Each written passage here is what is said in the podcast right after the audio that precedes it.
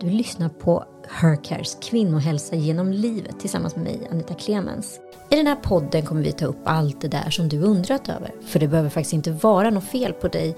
Men det kan vara så att dina hormoner är i total obalans och då har vi några experter här som kan hjälpa till och guida. Under poddserien kommer nämligen olika experter från Hercare hjälpa till och guida våra lyssnare och också kända gäster i hormoner, PMS, fertilitet, förklimakterie.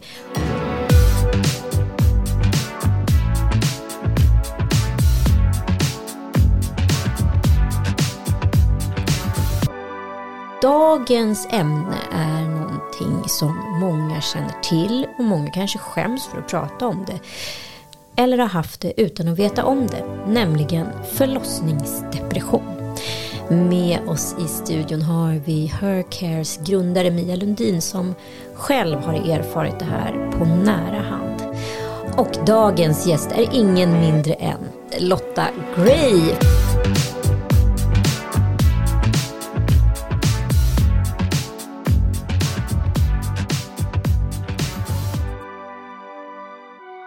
Varmt välkommen hit Lotta Gray, frilansjournalist. Tack så hemskt mycket. Vad kul att du gästar oss. Och Mia Lundin, jag måste bara säga, vi, det här är ju liksom en väldigt viktig podd för dig personligen. För du har ju faktiskt haft förlossningsdepression. Ja, förlossningsdepression ligger mig väldigt, uh, eller kvinnor som lider av det uh, och uh, kontaktar mig lider jag med kan man säga. Det ligger mig väldigt varmt om hjärtat för att eh, jag gick ju igenom det själv. Nu är min, den sonen som där jag fick förlossningsdepressionen, han är 32 nu så det är ett tag sedan men man glömmer aldrig det. Men det var ju det som triggade allt det här jobbet som jag gör nu med Precis. hjälper kvinnor med hormonella obalanser. Det var därför, då kändes det ju som why me? Varför mår jag, ska jag behöva må så här när alla andra mår så himla bra, det ser ut att må så himla bra. Uh, men idag så ser jag ju att um, det var meningen. Det var en mening med det, att jag skulle gå igenom det och lära mig mer om hur hormoner påverkar ens mående och signalsubstanser för att kunna hjälpa andra kvinnor.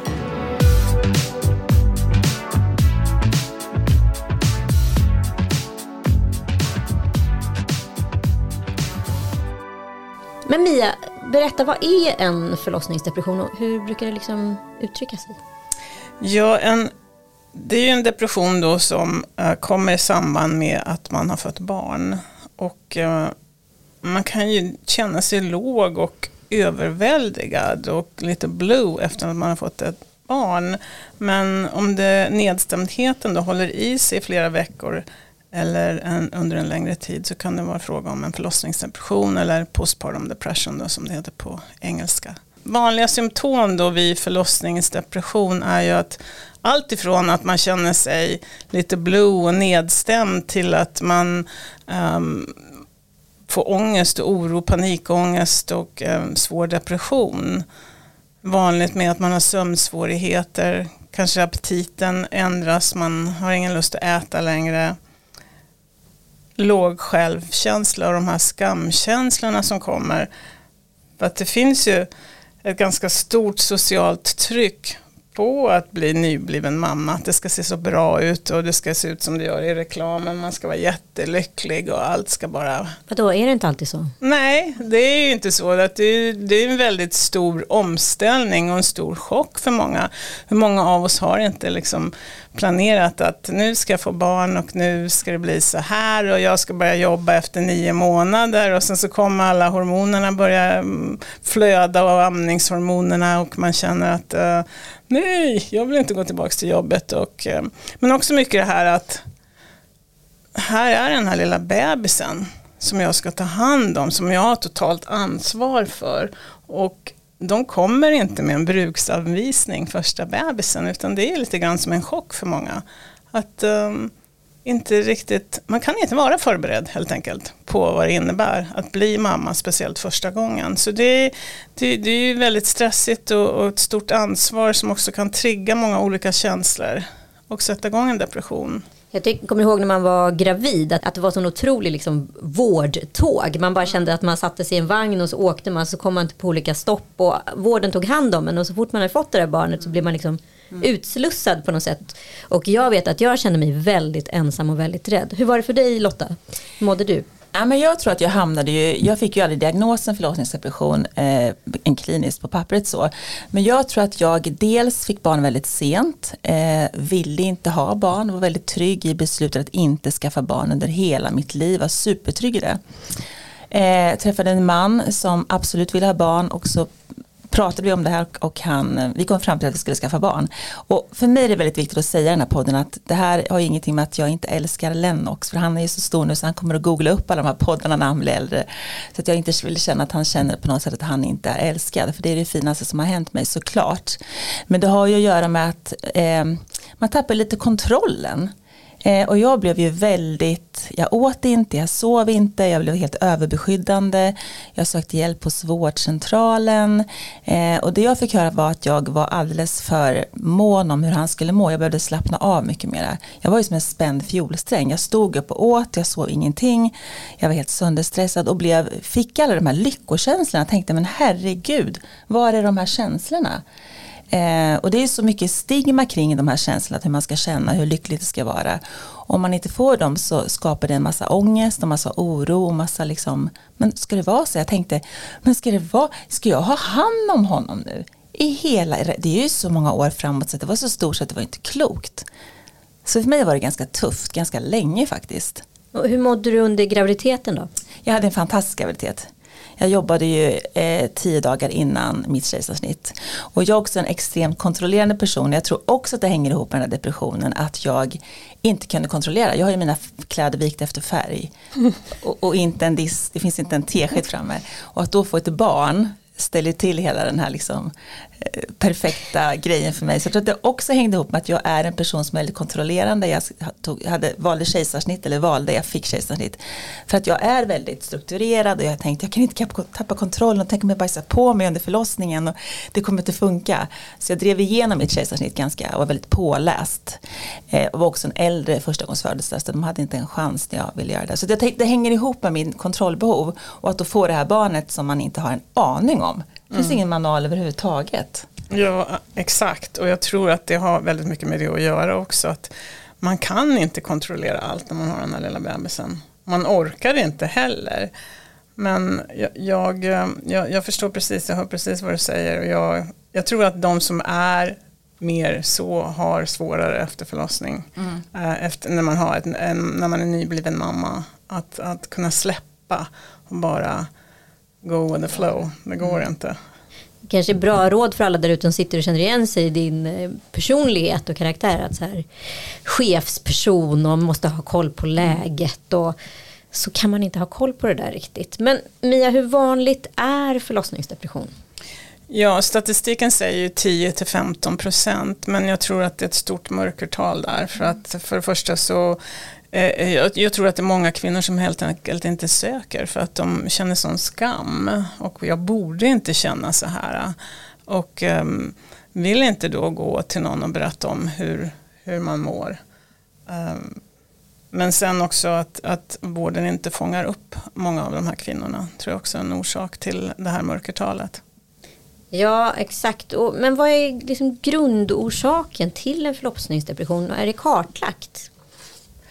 Ja, det kan ju vara många olika orsaker. Um, först och främst det här som vi har pratat om nu, det här stresspåslaget, den här oron, um, skammen, inte känna att man inte räcker till, um, att man inte får sova tillräckligt mycket, att man kanske har, är i ett förhållande där man inte får den, det stödet som man hade kanske hoppats på.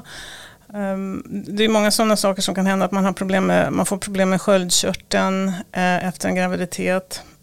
Men allra, allra största orsaken är nog egentligen de här hormonerna som sjunker drastiskt. För under graviditeten har man ju höga, hormon, höga nivåer av både östrogen och progesteron. Och det är därför många mår sig väldigt bra under graviditeten. Mm. Och planerar då hur det ska bli mm. efter. Och så kaboom, efter förlossningen så sjunker de här hormonerna då ja, 100 procent väldigt fort. Och progesteron då bryts ju ner till en neurosteroid eller ett hormon som påverkar både ditt mående och din hjärnkemi och det hormonet heter allopregnanolon och det sjunker då väldigt fort.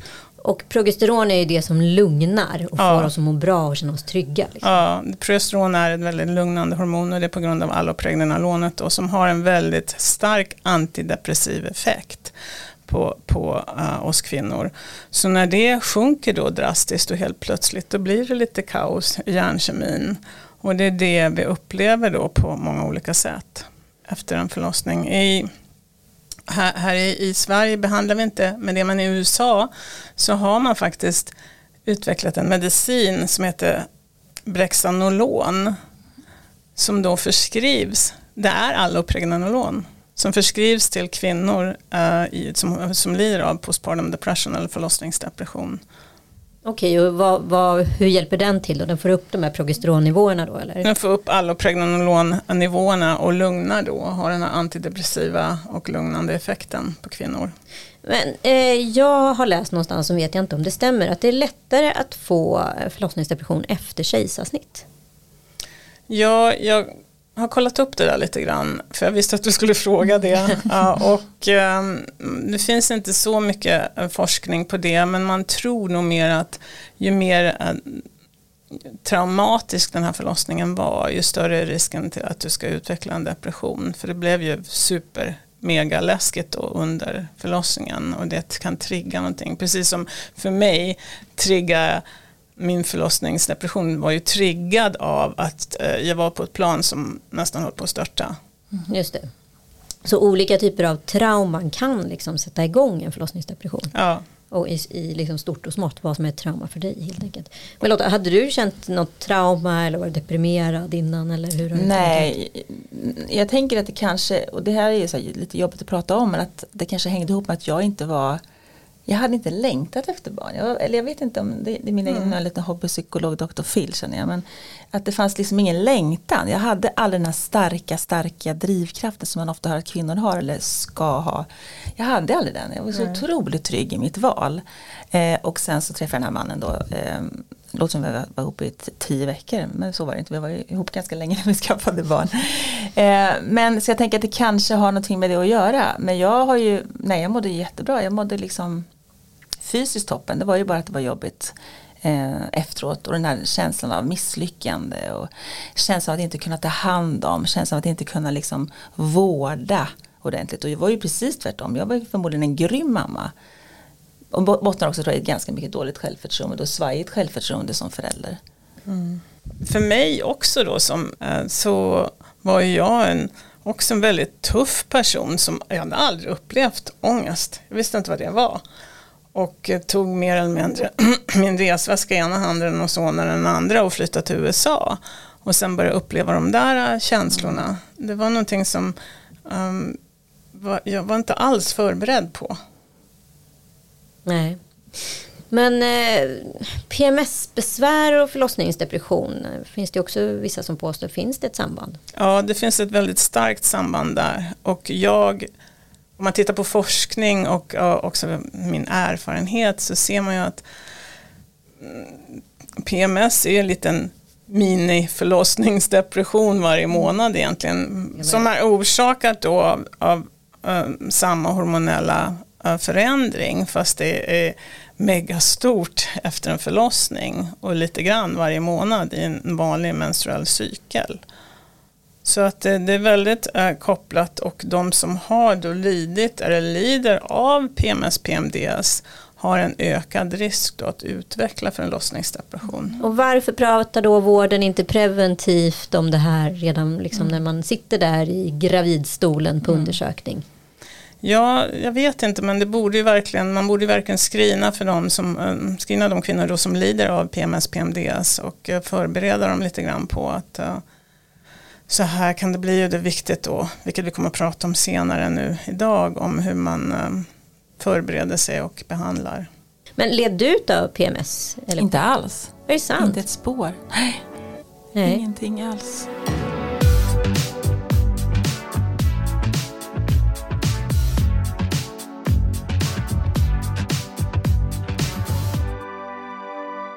Men vad hände sen då när du liksom konstaterade att så här, du svajar, du känner inte igen dig Mm. själv, det, det är någonting som inte stämmer. Vilken, vilken typ av behandling fick du? Ja, men jag gick till, jag blev skickad någonstans på Götgatan. Och jag, det här är ju 17 år sedan ska man inte komma ihåg. Så jag minns inte vad det var. Om det var någon, jag blev skickad dit av vårdcentralen till någon form av psykolog.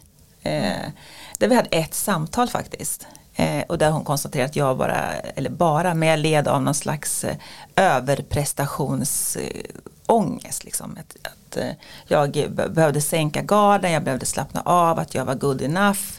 Eh, eh och jag hade ju läst alla böcker i hela världen. Jag var ju så påläst inför min bebis att det fanns inte. Jag var ju som liksom ett uppslagsverk, väldigt typiskt mig. Och när inte det här funkar när bebisen kommer så, och de här känslorna inte kommer in eh, och den här böckerna man har slukat inte stämmer så blir det någon slags krock igen. Eh, och också när man har andra föräldrar omkring sig som, har, som inte upplever samma sak så blir det svårt att bottna i de här föräldrarna. För de bara va? Nej men det är världens härligaste grej. Jag bara eh, nej, inte riktigt just nu. Så det blir väldigt svårt att hitta krokar att fastna i upplevde jag. Så jag fick det här samtalet och gick väl hem och försökte och hade mycket fix för mig. Han skulle ligga själv hade jag läst i en säng. Vad är det för trams? Han skulle ligga hos mig. Tyckte. Alltså jag hade mycket sådana där grejer som man skulle göra. Istället för att lyssna på bebisen så läste jag för mycket böcker tror jag. Att jag var lite, lite anal på något sätt faktiskt. Really? Yes, I was. Ja, men jag tror också, det låter när du berättar som om din förlossningsdepression kanske inte berodde så himla mycket på den här biokemiska förändringen utan mer din Nej. personlighet och dina förväntningar. Mm.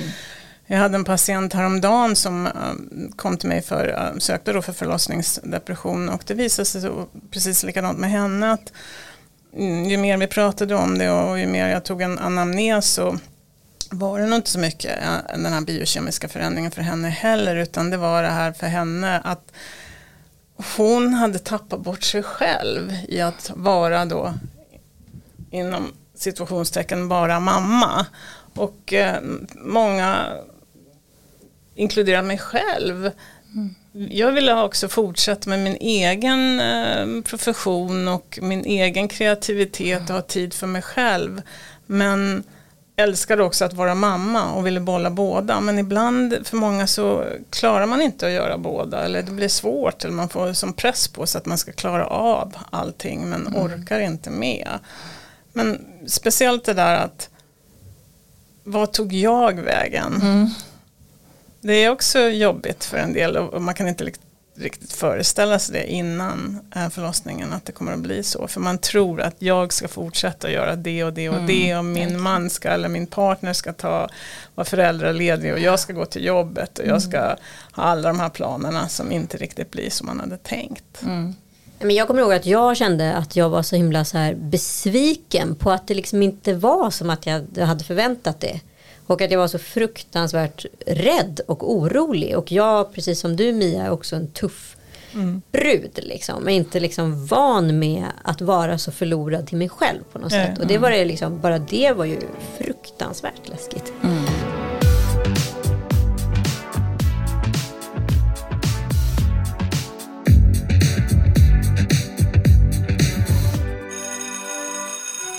Hur mår du?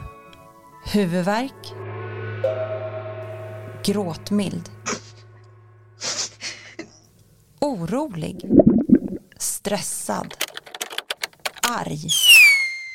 Irriterad? Trött? Ta kontroll över dina hormoner. Ladda ner vår app idag. Vi ger dig verktygen du behöver för att ta kontroll över ditt mående. Logga dina symptom, få kunskap, insikter och råd baserat på dina symptom och din cykel direkt i vår app.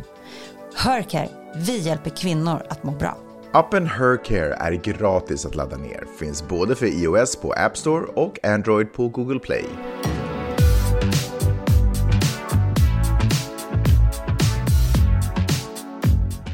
Men jag har hört talas om eh, förlossningspsykos. Alltså hur skiljer det sig från en förlossningsdepression och hur kan man veta vad som är vad? Ja, det är ju eh, väldigt allvarligt tillstånd. Och, men också väldigt ovanligt. Eh, 0,1 till 0,2 procent av kvinnor som förlöser eh, får då en eh, förlossningspsykos. Och det är faktiskt tal då ett eh, hundratal kvinnor varje år. Så det är inte många. Men är väldigt allvarligt. Och eh, då kan man, symptomen då av en förlossningspsykos är att man kan börja få vanförställningar och höra och se saker, hallucinera. Eh, höra och se saker som andra inte hör eller ser. Um, rusande tankar, osammanhängande eh, eh, uh, uh, tankar och lätt att tappa fokus. Och en del får till och med för sig sådana saker som att barnet är djävulen och uh, kanske inte borde finnas längre. Så att, uh, det är också väldigt vanligt med självmord där. Så att det är väldigt, väldigt viktigt att de här kvinnorna fångas upp tidigt. Kan man liksom komma ur en förlossningspsykos? det ska man absolut inte försöka själv utan så om någon i omgivningen ser att man, äh, ens partner börjar, eller vän eller äh, barn börjar bete sig så här så, så ska man absolut söka vård. Och det uppstår oftast äh, en kort tid, inom en kort tid efter förlossningen, runt sex veckor eller så. Okej, och vad är tydliga tecken att man blir inåtbunden eller? Nej, allt det här som jag sa då att man, får, man börjar höra och se saker som andra, man, det, man hallucinerar, man är psykotisk. Visst ska man missa det själv, för är man psykotisk kanske man inte inser att man är det. Men omgivningen borde ju verkligen um, plocka upp det och se att man inte beter sig som normalt, att man börjar höra röster och, och svamla och prata osammanhängande meningar och um, ha vanföreställningar om ja, som att till exempel att barnet då um, är djävulen. Det är ju någonting som verkligen måste, den, den, den kvinnan måste ju få hjälp. Ja, och det skiljer sig ju rätt mycket från en förlossningsdepression då, som är liksom någon form av... Ja, absolut. Och det är där många kanske är rädda för att de ska bli sämre när de har panikångest och, och, och ångest i, under en förlossningsdepression. Man, det är det man är rädd för, att man ska bli tokig och blir inlåst någonstans. Men förlossningsdepression, symptomen av den är inte de som jag precis berättade om, det är alltså psykos. Men hur långt efter en förlossning kan en förlossningspsykos uppstå? Ja, den uppstår då vanligtvis inom sex veckor eller så efter en förlossning. Och hur långt efter kommer en förlossningsdepression? Ja, den kan också börja precis efter förlossningen. Men de skiljer sig åt? Bete- symptomen är helt olika. Ja. Men hur länge kan man då känna sig deppig efter en förlossningsdepression? Ja, det här deppiga och the blues som man pratar om, det, det borde ju gå över inom ett par veckor. Och det är väldigt vanligt att man känner sig så. Men det kan också fortsätta. Går man in i en förlossningsdepression kan den pågå runt ett år. Hur var det för dig Lotta? Ja men det tog nog ett år innan det liksom lades innan jag liksom, vet, blev så här I got this. Mm. Jag har koll på bitarna, han, ja, vi kan kommunicera, jag förstår vad han vill. Ja men ett år faktiskt, det tog väldigt lång tid och jag tyckte inte att det var så himla kul. Jag tyckte inte alls att det var speciellt roligt. Det är väldigt liksom det får man inte säga, men så är det ju. Det är ju bara att inse att, eh, och, återigen, han är ju liksom mest fantastiskt som har hänt, men han är ju så, så fin. Jag skulle aldrig i mitt liv någonsin vara utan honom. Men det så det har inte med det att göra, men det var, jag fick inte de där jag fick inte de där lyckokänslorna, jag tyckte inte det var så kul helt enkelt. Det var så otroligt ansvar. Ja, och jag tror att du verkligen inte är ensam av att känna så. Jag tycker det är jättebra att du tar upp det för att jag tror att um, många kvinnor upplever just mm. det att mm, varför känner jag så här? Jag borde inte göra det. Mm. Båda föräldrarna kan ju gå runt med de här förväntningarna under själva graviditeten och sen så helt plötsligt så reagerar då inte kvinnan på det sättet som man förväntar sig. Vad, vad händer, vad kan, hur kan det här påverka partners? Ja, det finns inte så mycket forskning på det, men män går ju också igenom man kan kalla då förlossningsdepression för att det här, familjen är ju som en enhet och alla påverkar varandra. Men det kanske det visar sig lite annorlunda hos männen vad det gör hos kvinnor att de kanske blir mer inåtvända, uh, känner sig mer stressade än, än deprimerade och kanske blir mer irriterade också än um, just låg och deprimerad. Men det, det, påverkar ju verkligen mannen också, eller partnern mm, vårt beteende då som kvinna kommer ju verkligen att påverka de som är runt omkring oss. Ja gud, jag tycker män bara börjar svaja så fort man har män så liksom de här rollfördelningarna börjar förändras. Men hur var det för dig Lotta? Men jag tror att jag satte på mig den där duktiga hatten, duktiga flickan-hatten, vad säger man, duktiga flickan-syndromet. Den hatten satte jag nog på mig även inför honom ganska mycket. För att visa att nej, men jag är ju liksom en übermamma, inte ska väl jag, inte ska väl jag, liksom. detta inte ska väl jag-andet. Så du spelade glad? Ja, absolut. Ja. Ganska mycket i, i mångt och mycket, till och med med honom tror jag. Jag tror inte jag sa hur det var och jag visste ju först inte vad det var. Alltså jag förstod inte att det förmodligen var någon form av släng av förlossningsdepression. Eh, jag tänkte bara, men varför, det måste vara något fel på mig. Har jag liksom, och, och jag tänker också ibland nu när Lennox är 17 och hela den resan som man har med, med sina tonåringar och med allt vad det innebär. Så kan jag ibland känna sig, men gud, är det så här för att jag inte liksom fanns där riktigt 100% när han var liten? Det skapar också jätte, det tycker jag är skitjobbiga känslor. Och så är det såklart inte. Men det kan jag känna nu ibland. Ja, du kan skuldbelägga dig Ja, själv för att du mycket. failade första Ja, året då, exakt. för att vad som händer i en och- och tonårstid. Och så är det ju inte. Så är det ju verkligen inte. Och det är någonting som man förstår intellektuellt men inte känslomässigt. Så Just det. Så. Mm, precis, och, och så kände väl jag också lite grann att har han fått någon men av det här, hur jag betedde mig då när jag hade världens panikångest och inte kunde sova. Men um, det verkar inte så. Som så. De är ju jobbiga ändå, tonåringar, av andra Precis orsaker. Men varför skuldbelägger vi oss så mycket då, vi kvinnor? För vi gör ju det hela tiden och mycket är ju kopplat till just det här med barn och det är mycket vad Jag tror det att med, det är med amning och anknytning sociala, och allt vad det är. Sociala arvet som är svårt att bryta. Mm. Det liksom Jag ligger också. bakåt.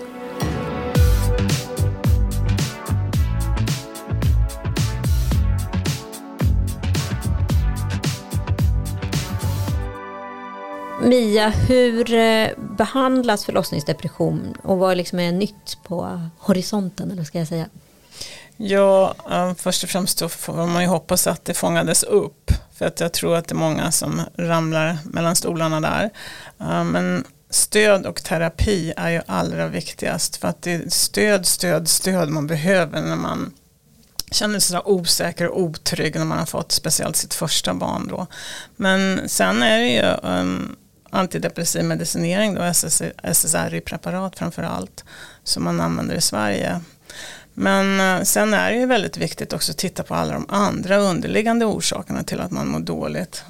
Att man får stöd där, att man får hjälp, att man ger kroppen vad den behöver för att kunna fungera på ett bra sätt. Ger den, den näringen den behöver och eh, också att man får den sömn man behöver. För att nå- när man inte får sova då blir man ju tokig bara av det. Så att det finns, det, det är stöd att ha någon att kunna bolla med och där tror jag vad som hände med mig i USA var att jag hade inte min mamma, jag hade inte mina syskon, jag hade inte mina kompisar, jag var ganska ensam ändå. Um, och det är ju det man behöver. Ja, och någonting som har slagit mig i efterhand, eh, för min mamma gick in i en demens under tiden jag var gravid. Liksom. Så hon försvann ju lite som mamma och när man då fort, går då från tillståndet dotter till att själv bli mamma och inte ha en mamma med i bilden, det var ju också väldigt läskigt. Någon som kunde backa, stötta och det är väl likadant att vara ensam liksom på eh, annan ort. Ja, och sådana saker påverkar ju också.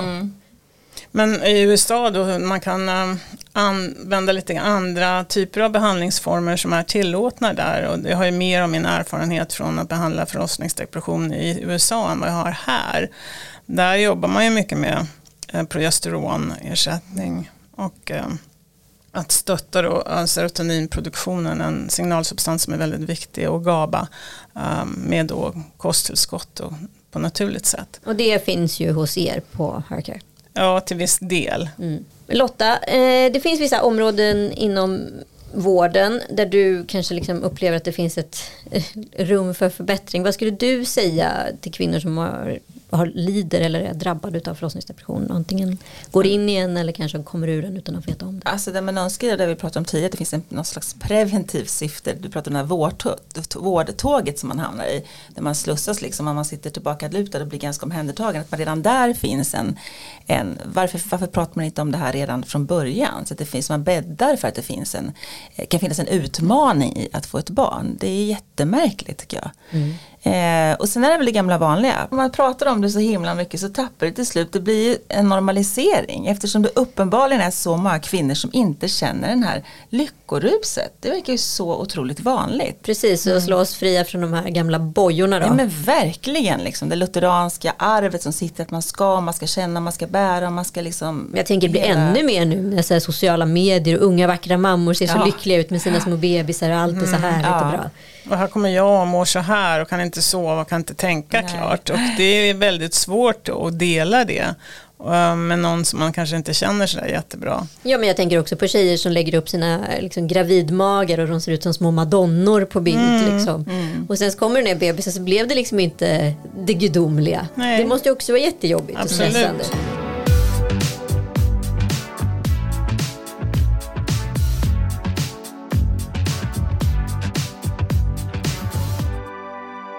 Men vad ska man då själv göra och när ska man söka hjälp? Ja, det är ju så att uh, ungefär 6-8 veckor efter förlossningen så ska alla som har fått barn få ett formulär att fylla i på BVC som heter då EPDS, Edinburgh Postnatal Depression Scale, för att du screena för, för förlossningsdepression. Jag är inte så säker på att det faktiskt händer hela tiden. Utan den här patienten som jag såg häromdagen, hon hade ju nämnt det då på BVC att jag började gråta och ehm, de frågade hur mår du? Och då började hon gråta för att hon mådde väldigt dåligt. Och då sa man, mm, vi har, vi har inte tid att prata om det, vi, vi, vi ska stänga om fem minuter så du måste gå nu. Och sen så blev det ingen uppföljning på det alls. Det är fruktansvärt. Men man, om man mår dåligt då så ska man absolut prata om det och ta upp det på BVC eller eh, kontakta 1177 eller sin vårdcentral för att få hjälp. Och hur ska man prata med sin familj då? Sin sambo, sin mamma, pappa? Och hur, ska man, hur ska man göra? Man är fortfarande dotter även fast man har fått ett barn.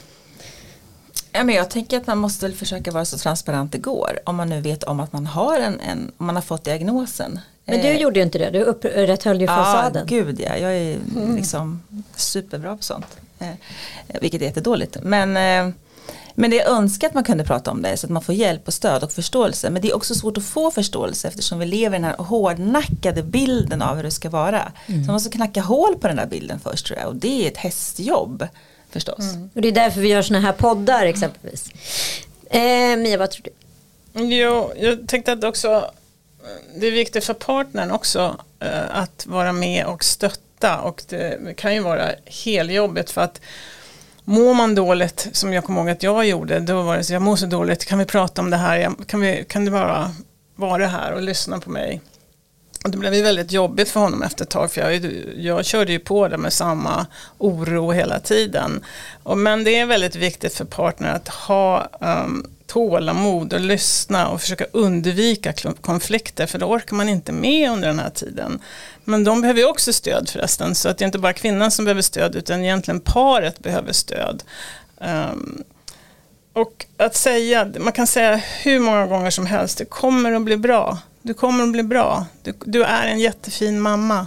Att man får höra det om och om igen är jätteviktigt.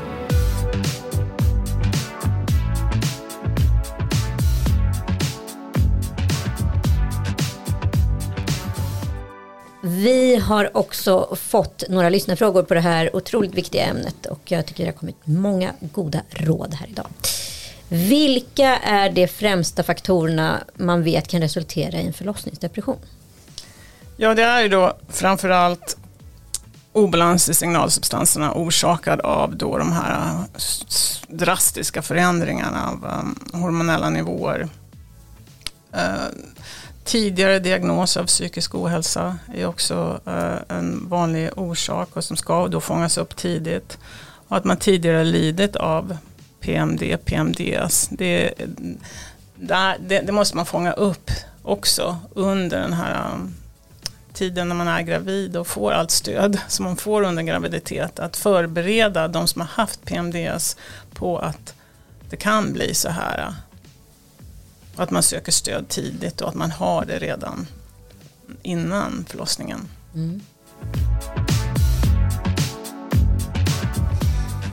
Jag fick en grov depression när jag var gravid. Hur kan jag förebygga det inför nästa gång?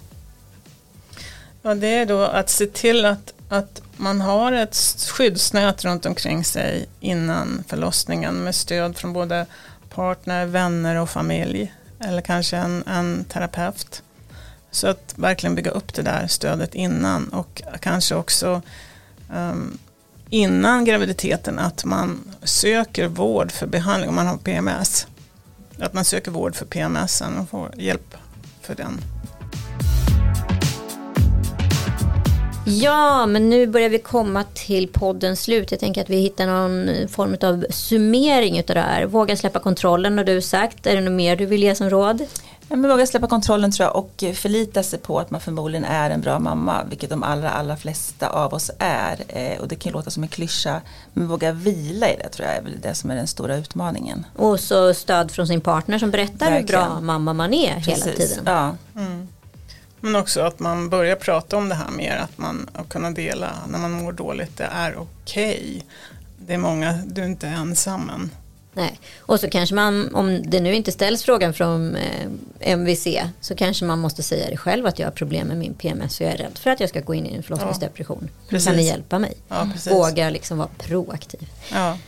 Tack snälla för att ni har lyssnat. Det här är Hercares podd med mig Anita Clemens. Vill ni veta mer om Hercares tjänster så kan du gå in på hercare.se, besöka dem på Instagram eller ladda ner deras app. Där kan man få ta kontakt med både vårdgivare och tracka sina egna symptom. Vi hörs om en vecka.